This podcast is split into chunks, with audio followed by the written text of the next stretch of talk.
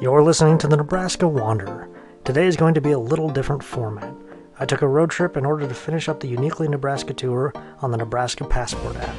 I will be talking about Ole's Big Game Steakhouse, Golden Spike Tower in North Platte, and Ashfall Fossil Beds. I also discuss a few events happening in the state.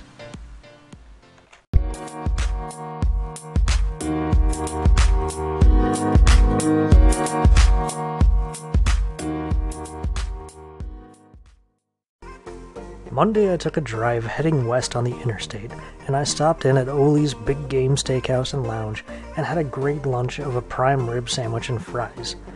The feel is a typical small town Nebraska restaurant, but with the excitement of stuffed and mounted animals hanging above your head as you enjoy your meal.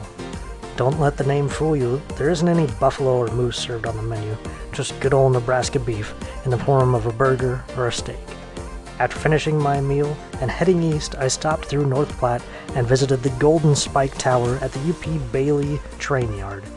The tower has several exhibits that showcase the history of the rail yard and current facts about the operation going on.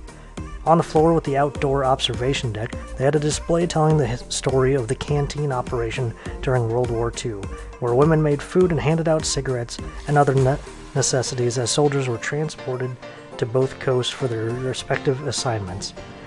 The deck provides a panoramic view of the train yard and had spotting binoculars to get a closer view. Above this floor was an enclosed deck with seating and TVs providing more information about the trail yard.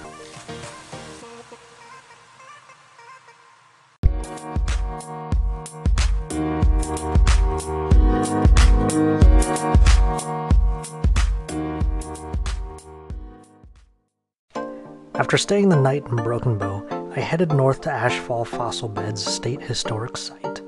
I entered the visitor center and bought my pass. I looked at all the displays and then headed outside. Several trails head off away from the visitor center, and they all provide a great view of the surrounding area and the fossil beds. After completing my tour of the outside, I made my way down to the Hubbard Rhino Barn. As I walked, there were markers along the path telling me how far back in time I had traveled until I reached the barn and was seeing things from 12 million years ago. The barn was finished in 2009 and covers 17,500 square feet. This covers a majority of the fossil beds and is the only active dig site on the property. Two recent grads were working in the site and explaining to the few of us that were there what the, the dig involved and what they were working on currently. One mentioned that to clear the currently covered area will take 20 to 30 years, and then there could be more fossils just outside the current building.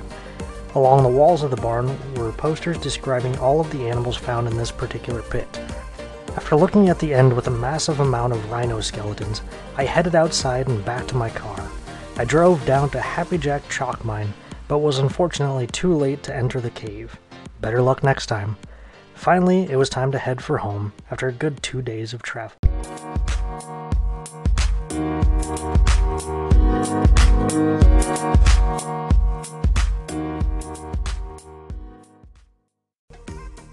There are a couple events going on this weekend, including night photography at Agate Fossil Beds National Monument. Uh, Saturday, the 23rd, from 7 to 9, a couple park rangers will be explaining how to take the best night photography pictures of the stars, constellations, and the Milky Way. Also, this weekend is the 33rd annual Ogallala Indian Summer Rendezvous uh, happening all, all weekend, so make sure to go check those out.